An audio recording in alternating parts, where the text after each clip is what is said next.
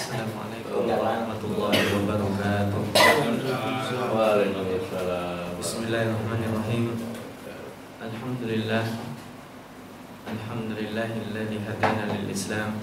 Allahumma salli wa sallim wa barik ala sayyidil anam sayyidina wa maulana Muhammadin sallallahu alaihi wasallam wa ala alihi wa ashabihi wa man tabi'ahu ila yaumiddin amma ba'd. Bapak-bapak dan ibu-ibu kaum muslimin dan muslimat para pemirsa halaqah tadabbur Al-Qur'an kita bersyukur kepada Allah kembali di pagi hari ini sebagaimana setiap Jumat kita menadaburi bersama ayat demi ayat dari surat Al-Qur'an. Kita bersyukur pada pagi hari ini Allah pertemukan dengan keadaan kita yang mungkin bisa jadi berbeda dari pekan sebelumnya Mungkin sebagian kita merasakan lain dari yang dirasakan saudaranya Tetapi kita disatukan menikmati bersama uh, Kalam-kalam Allah subhanahu wa ta'ala Yang menjadi syifa Menjadi obat bagi segala penyakit Yang menjadi hudan Petunjuk bagi siapa saja yang menginginkannya Yang dia menjadi pengingat Bagi orang-orang yang mau menjadikannya bridging dan jembatan untuk lebih dekat kepada Allah Subhanahu wa taala Mudah-mudahan usaha kita pada pagi hari ini disampaikan oleh Allah SWT sesuai dengan niat kita dan Al-Quran yang kita jadikan pedoman ini benar-benar membuat kita lebih dekat lagi kepada Allah dan uh, tentunya uh, rizki yang dijanjikan oleh Allah di hari yang tidak bermanfaat harta benda pada waktu itu.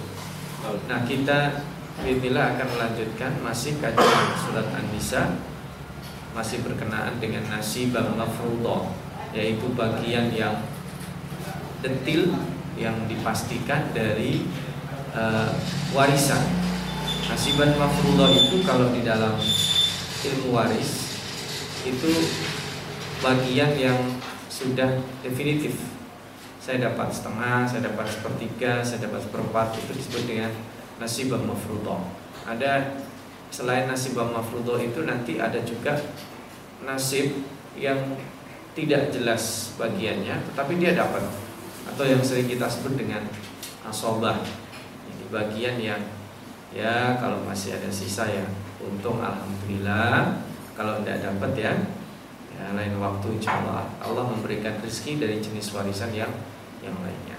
Nah pada halaman ke 79 kita masih uh, membahas itu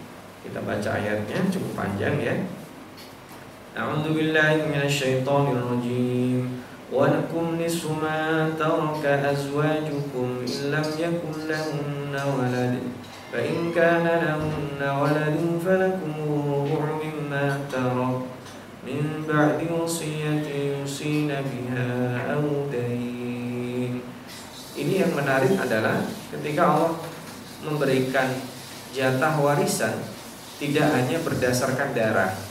Jadi ini ikatannya adalah ikatan bukan ikatan pertalian al-arham, kekerabatan yang basisnya adalah e, darah. Maka suami dan istri itu saling mewarisi.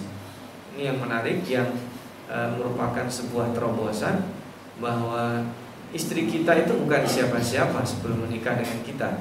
Kita bukan siapa-siapa bagi istri kita sebelum kita menikah tetapi begitu ada mitsaqan ghalidha yang nanti juga akan dibahas di ayat ini, di ayat-ayat uh, setelah kita membahas warisan ini, maka begitu ada mitsaq, ada perjanjian yang luar biasa, uh, ghalidha dikatakan, maka mereka mendapatkan hak waris yang besarnya. Nah, ini walakum nisfu ma taraka azwajukum dan bagi kalian ini orang laki-laki ya, para suami mendapatkan setengah setengah harta.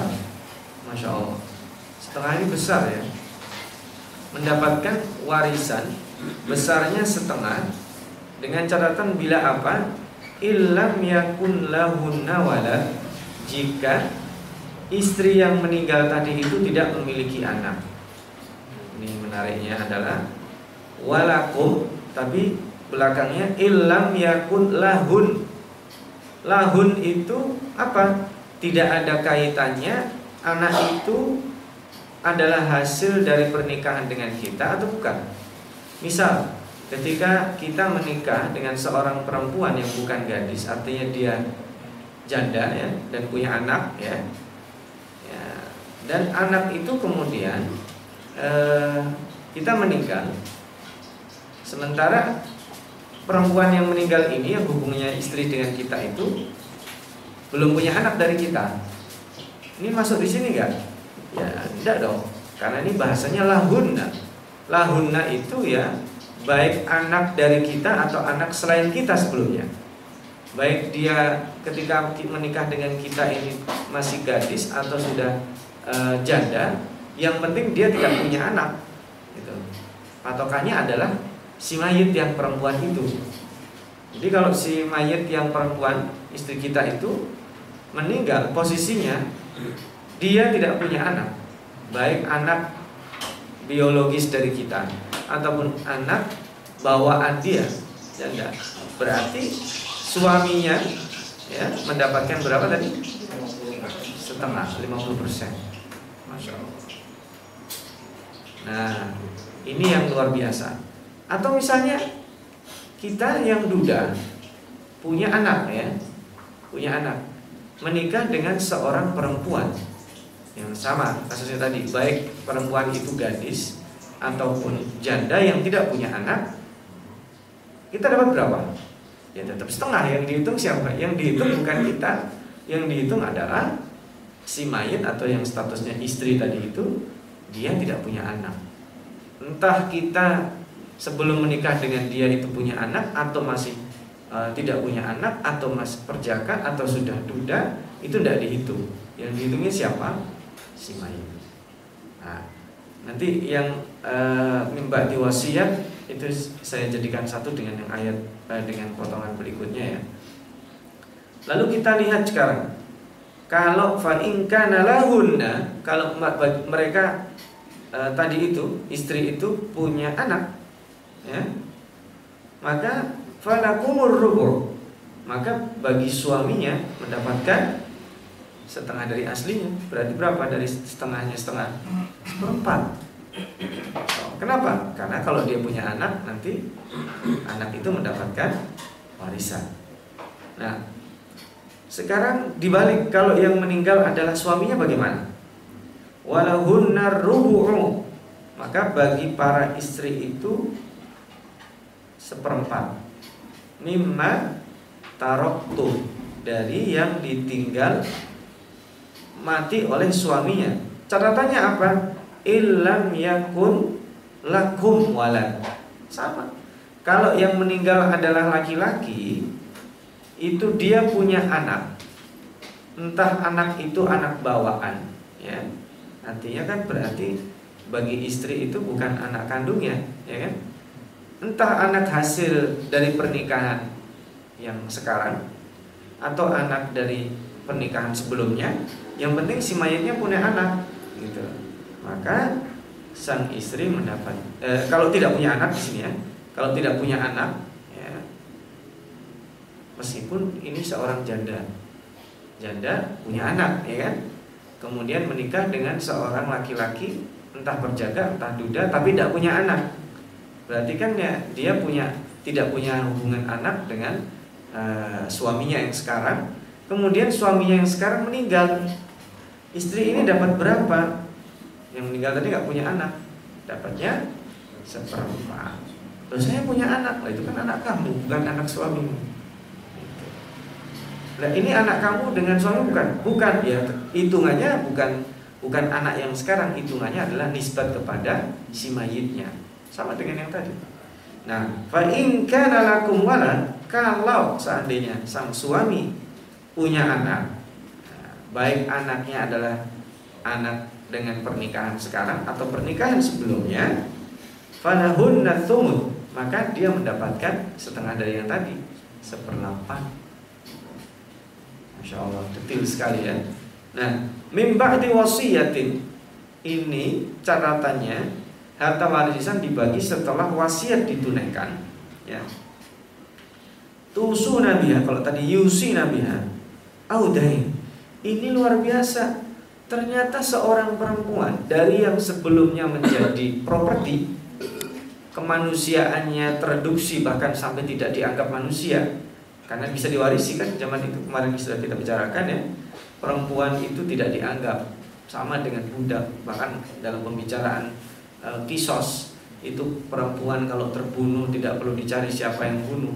Atau kalau perempuan bunuh perempuan nggak usah dikisos.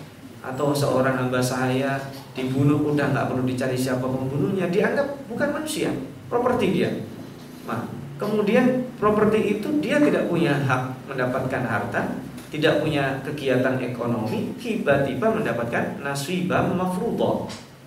Bukan hanya itu dia berhak untuk berwasiat dengan hartanya. Bayangkan dari orang yang menjadi properti dianggap bukan manusia kemudian menjadi punya hak. Kalau warisan kan dia memang mati.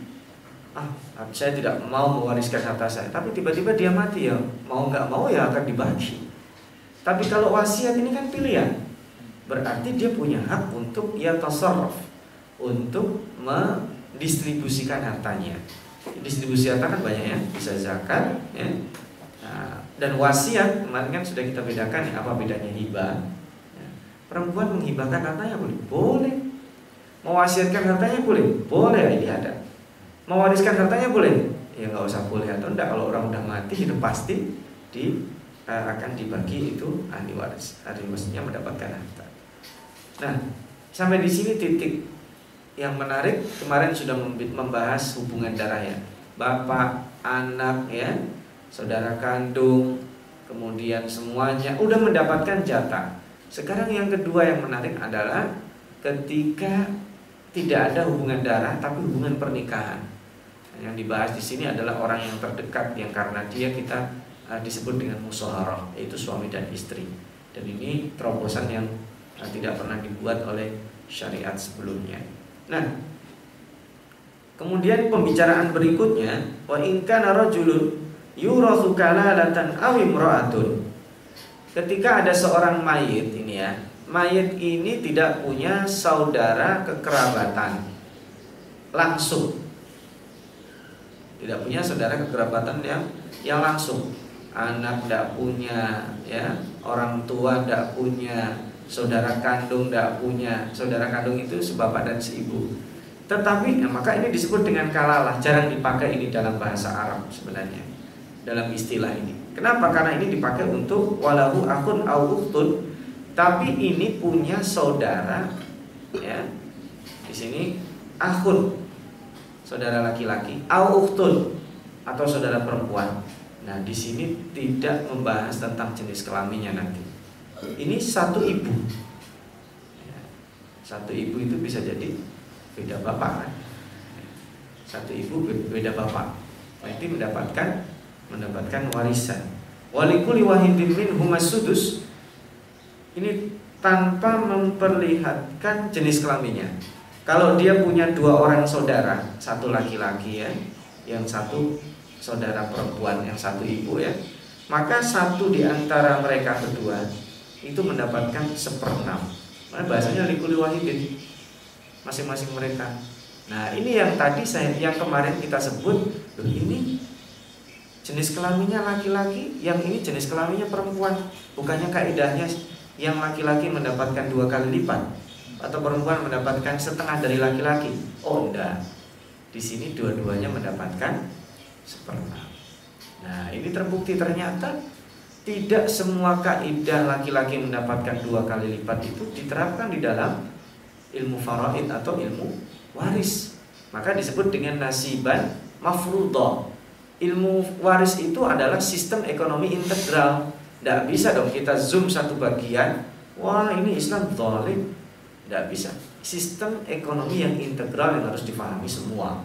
Nah ini Wa in kanu min dzalika. Kalau mereka punya saudara lebih dari itu, artinya lebih dari uh, lebih dari satu ya.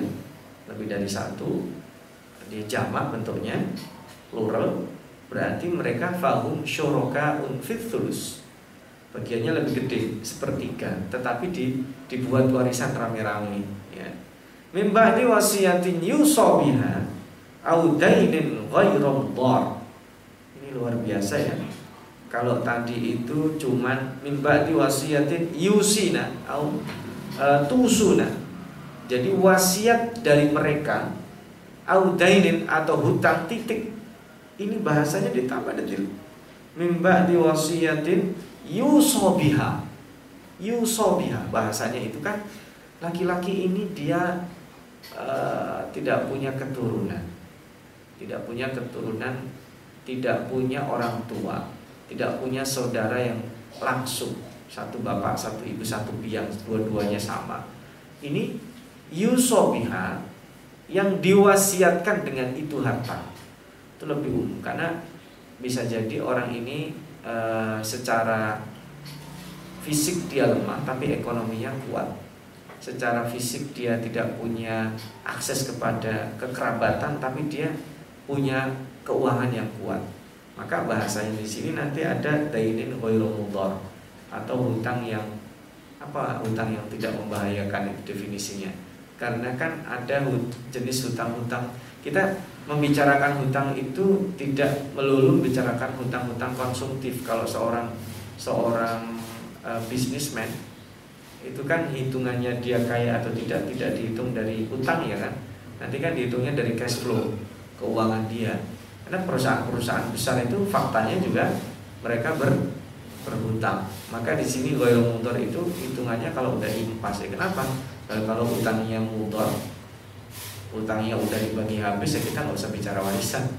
Dia meninggal hartanya 100, ternyata utangnya 300 itu warisannya dibagi nggak? Ya udah nggak bisa dibagi karena utangnya banyak. Gitu. Utangnya 100, gitu. E, harta warisannya 100 juga. Ya pas bisa dibagi.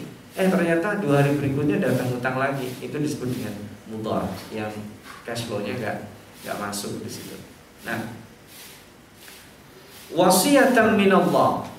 Ini menarik Bapak-bapak dan ibu-ibu sekalian. Kaum muslimin dan muslimat yang dirahmati Allah wasiatan minallah. Ini hukum warisan itu wasiat dari Allah mohon maaf jangan disamakan dengan manusia ya kalau wasiat dari Allah itu berarti suatu ketika Allah mati gitu misalnya. Bukan. Jadi kalau ada orang tua bilang, "Nah, saya berwasiat kepada kamu," itu jangan dipahami bahwa oh ini bapak saya mau mati ini. Enggak. Berwasiat itu apa? Kamu sekarang saya kasih wasiat sholat setiap hari. Itu jangan dipahami, oh gitu Pak ya. ya. Kok nggak sholat? Lah katanya wasiat. Kan wasiat itu ditunaikannya setelah bapak meninggal. Salah nih Pak. Kalau yang berkenaan dengan harta, wasiat itu begitu bunyinya. Nah, tapi kalau berkenaan bukan dengan harta, ya dilaksanakannya dan aku wasiatkan kepada kalian jaga sholat lima waktu. Sekarang saya sholat, ya iya sekarang. Nanti kalau saya sudah mati, sekarang kamu sholat, saya sudah mati, kamu harus sholat. Itu disebut dengan wasiat kalau berkenaan dengan yang lebih umum. Kalau wasiat yang berkenaan dengan Allah, itu tidak ada kaitannya dengan Allah itu hidup atau mati. Karena ini kan terminologi yang kemarin sudah kita bahas berkenaan dengan bagi-bagi harta. Wasiatan minallah itu berlaku sepanjang waktu. Baik itu warisannya berkenaan dengan kita yang sedang membahas ayat ini atau orang lain yang bahkan dia tidak tahu Islam. Ada misalnya ada seorang malaf ya meninggal dunia dia tidak tahu belum sholat belum apa-apa baru syahadat meninggal ya kan? Anak-anaknya sudah Islam dulu misalnya. Dia belum meninggal. Wasiatan minallah. Ini nggak tahu hukum wasiat dan sebagainya tetap kena. Karena sudah sudah ada hubungan darah dan sudah ada ada syarat-syaratnya terpenuhi. Wasiatan minallah itu berlaku sangat umum.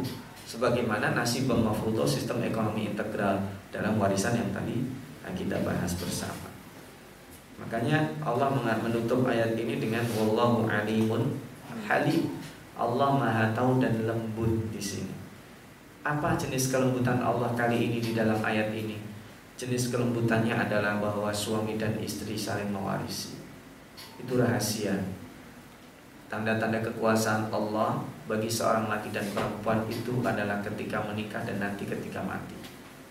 Jadi suami dan istri bisa saling mewarisi. Siapa sih istri kita? Sebelum akad bukan siapa-siapa dia. Kenalnya bisa jadi ya nggak tahu ya ada nggak orang yang kenal satu jam sebelum dia nikah tiba-tiba menikah satu jam berikutnya ada nggak bisa sih ada ya.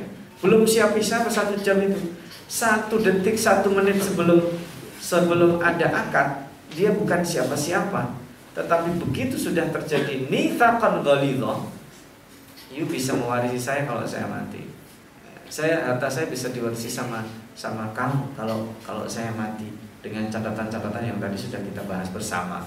Nah ini menarik yang luar biasa. Wallahu alimun halim. Lembut sekali. Allah Maha tahu dan lembut dia Tilka hududullah. Itu adalah hudud.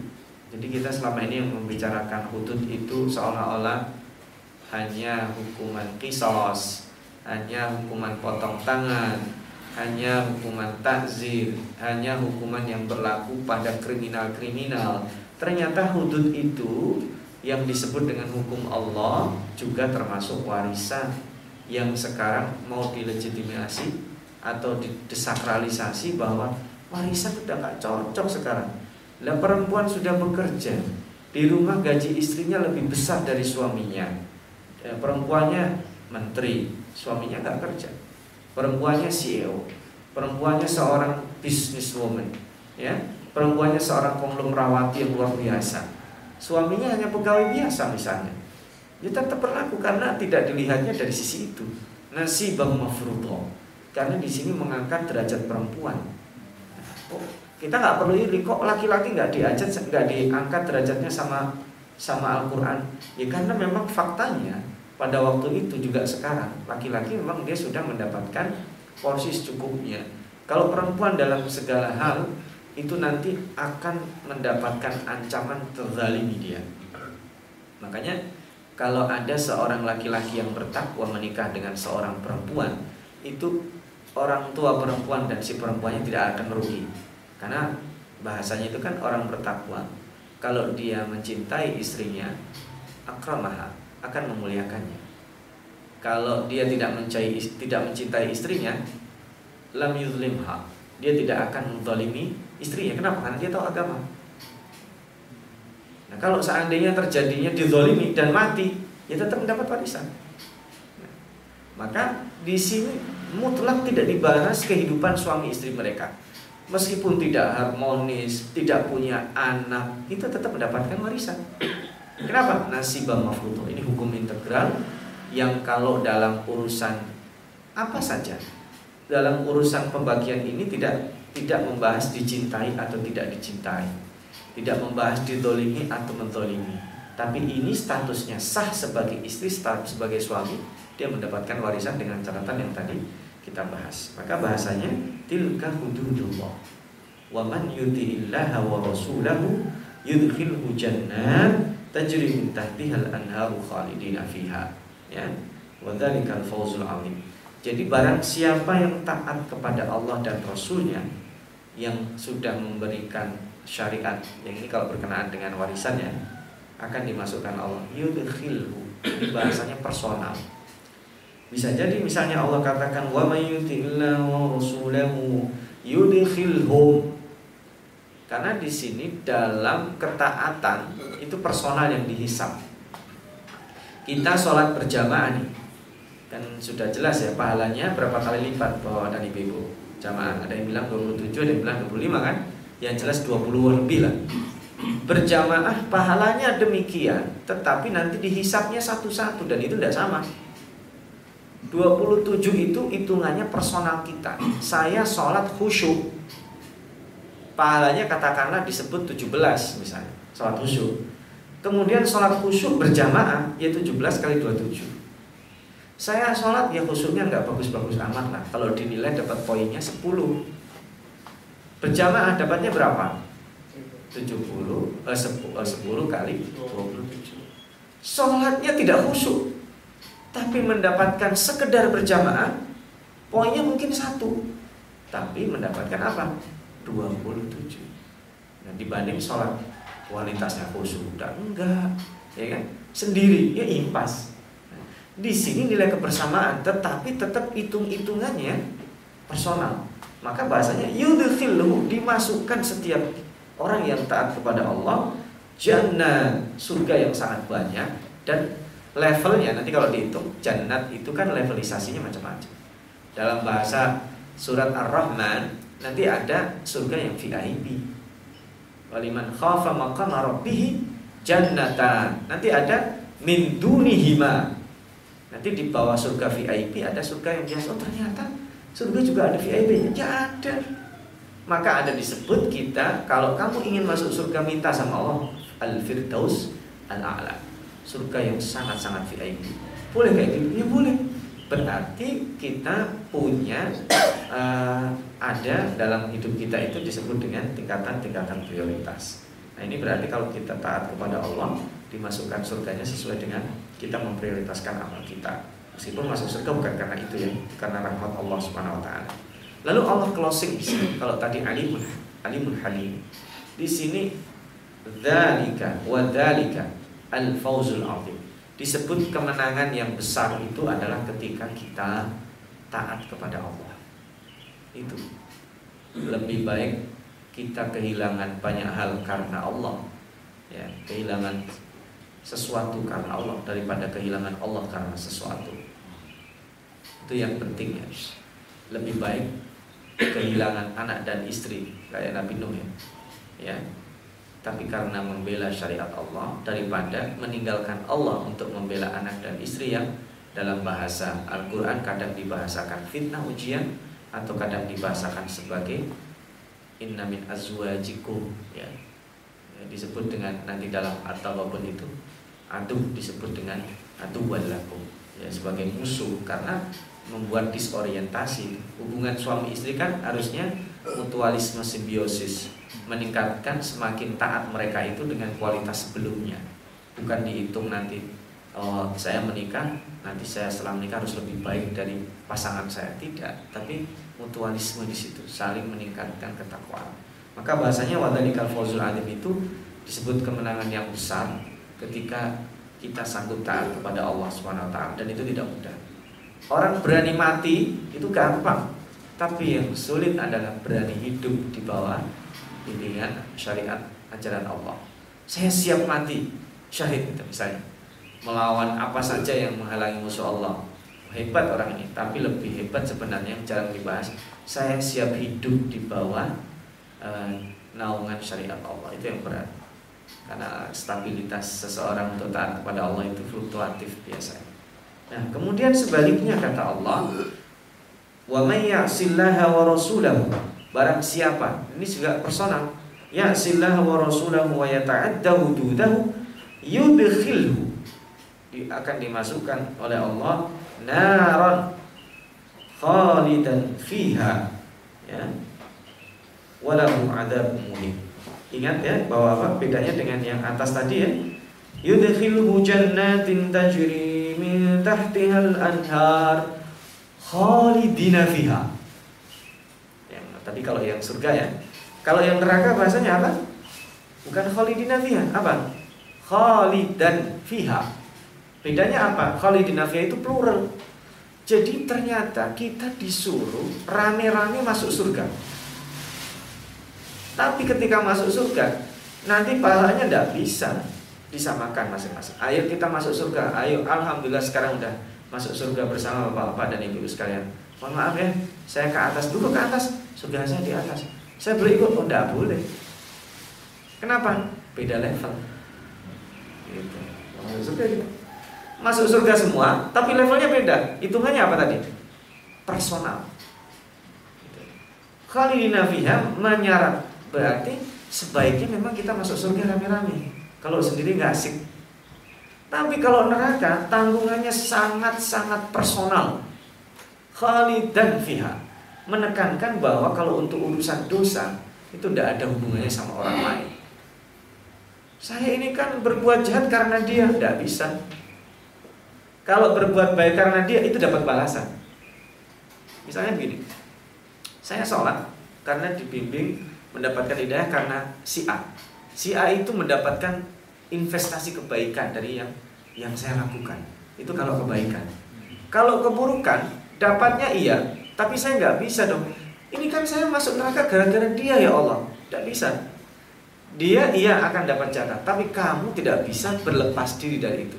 Karena nanti keputusannya pada personal.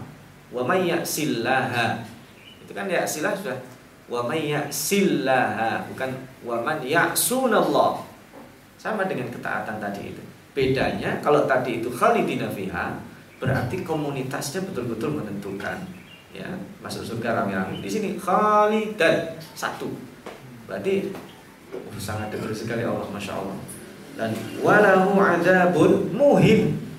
Ya, kita sudah sering membahas jenis adab ya. Adabun alim, pedih, adabun azim, besar. Ya, pernah membahas uh, adabun jenis adab syadid ya ada di sini ada pun muhin. Tempo hari kita bahas ada pemukim. Nah, khusus untuk muhin, artinya muhin itu ya jelas bahasa Indonesia-nya juga akar katanya sama, adab yang hina. Ya. Sekarang kalau muhin, adab yang menghinakan, menghinakan kemanusiaan orang yang diadab. Kalau orang kafir itu diadab atau orang yang maksiat itu diadab, menghinakan. Contoh, sama-sama orang dipukul sakit tapi kalau yang dipukul mukanya yang sakit dua kali. Sakit karena dipukul, sakit karena ini kok saya mukanya dipukul, terhina dia. Dipukul sendiri, dipukul rame-rame di depan halayak rame beda. Saya mukul ketika sendiri khilaf, maaf lebih mudah. Tapi begitu saya mukul orang di depan ratusan orang, apa efeknya? Berat. Makanya Eh, nanti dalam bahasa Al-Quran itu mereka akan diambil dari ubun-ubunnya itu dihinakan. Saya nggak mau disiksa nggak bisa. Malaikat ngambil. Ngambilnya bukan ditarik tangannya. Itu terlalu halus. Ubun-ubunnya diambil. Ya. dijambak. Ya karena ubun-ubun itu kan bagian yang paling mulia gitu kan. Nanti ada juga bahasa Al-Quran membahasakan hidung itu belalai. Ya kan? Nanti kalau sudah sampai ayatnya akan kita bahas lebih detail lagi. Intinya ada muhin itu adab yang akan menghinakan baik disaksikan oleh orang lain ataupun bagi diri kita sendiri. Kan ada yang jenis-jenis kita dicaci maki itu dasar kamu misalnya mohon maaf A kata A kata B itu kan jorok misalnya dimaki kayak gitu biasa tapi kita kadang sakit sekali nyelekit sekali loh kok kamu bawa nama orang tua saya. Nah itu itu makian jenis makian yang dahsyat sekali. Nah ini nanti disiksa, disiksanya itu fisik dan psikis orang-orang nanti. Nah ini kok bisa sedahsyat itu? Makanya hati-hati. Hukum Allah ini kan kelihatannya sederhana ya. kok sampai sedetil itu sih Allah Subhanahu wa taala membicarakan warisan. Gini, saya tidak membagi waris dengan setengah seperempat itu kemarin sudah kita bahas ya tapi ini karena kita sudah sepakat Sudah sama-sama ridho Ya kan? Sudah dibahas kan? Nggak ada masalah Tapi kalau ini tidak usah lah kita main-main sudah sepertiga setengah Kita kan hidup di zaman modern Saya juga bekerja, kamu juga bekerja Udahlah nggak usah dipakai hukum Allah Ibu ingat Itu kelihatannya sepele Tapi melawan Allah. Sama Seseorang yang meninggalkan sholat karena malas tidak sampai derajatnya sampai kafir. Tapi kenapa kamu nggak sholat? Orang sholat tidak wajib kok. Tuh. Kenapa tidak sholat? Ah malesan. Beda. Dua-duanya tidak sholat, tapi yang satu akibatnya melawan Allah. Ini kenapa kok nggak dibagi waris? Yang lain nggak ada masalah kok dibagi. Kata kita sudah tahu. Tapi sudah dibagi, sudah kita sudah ikuti ya. Jadi gimana? Ya kita bagi seperti ini karena kita tidak ada masalah. Mau dibagi setengah tidak dapat kita tidak ada masalah kok. Saya punya uang tidak punya uang dibagi setengah kita tidak ada masalah. Udah sepakat semua nggak ada paksaan. Oh gitu. Enggak berarti itu tidak dibaginya bukan karena melawan syariat Allah. Tapi kalau tidak dibagi waris dari awal kita tidak ada bagi waris. Semua dapat kamu anakku dapat kamu rumah yang di sana. Kamu rumah yang di sini. Kamu perusahaan sana. Kamu perusahaan ini kau bagi seperti itu karena melawan syariat Allah masuknya di sini wa may ya'sillaha wa rasulah. Nanti yudkhilhu naran khalidan fiha. Kalau khalidina fiha itu kan kalau kebersamaan di dalamnya misalnya maaf nih Pak, saya ke atas dulu ini surga saya di atas. Wah, saya tidak bisa ya. Pengen enggak? Boleh enggak saya main ke atas? Boleh. Begitu main ke atas keenakan enggak mau turun.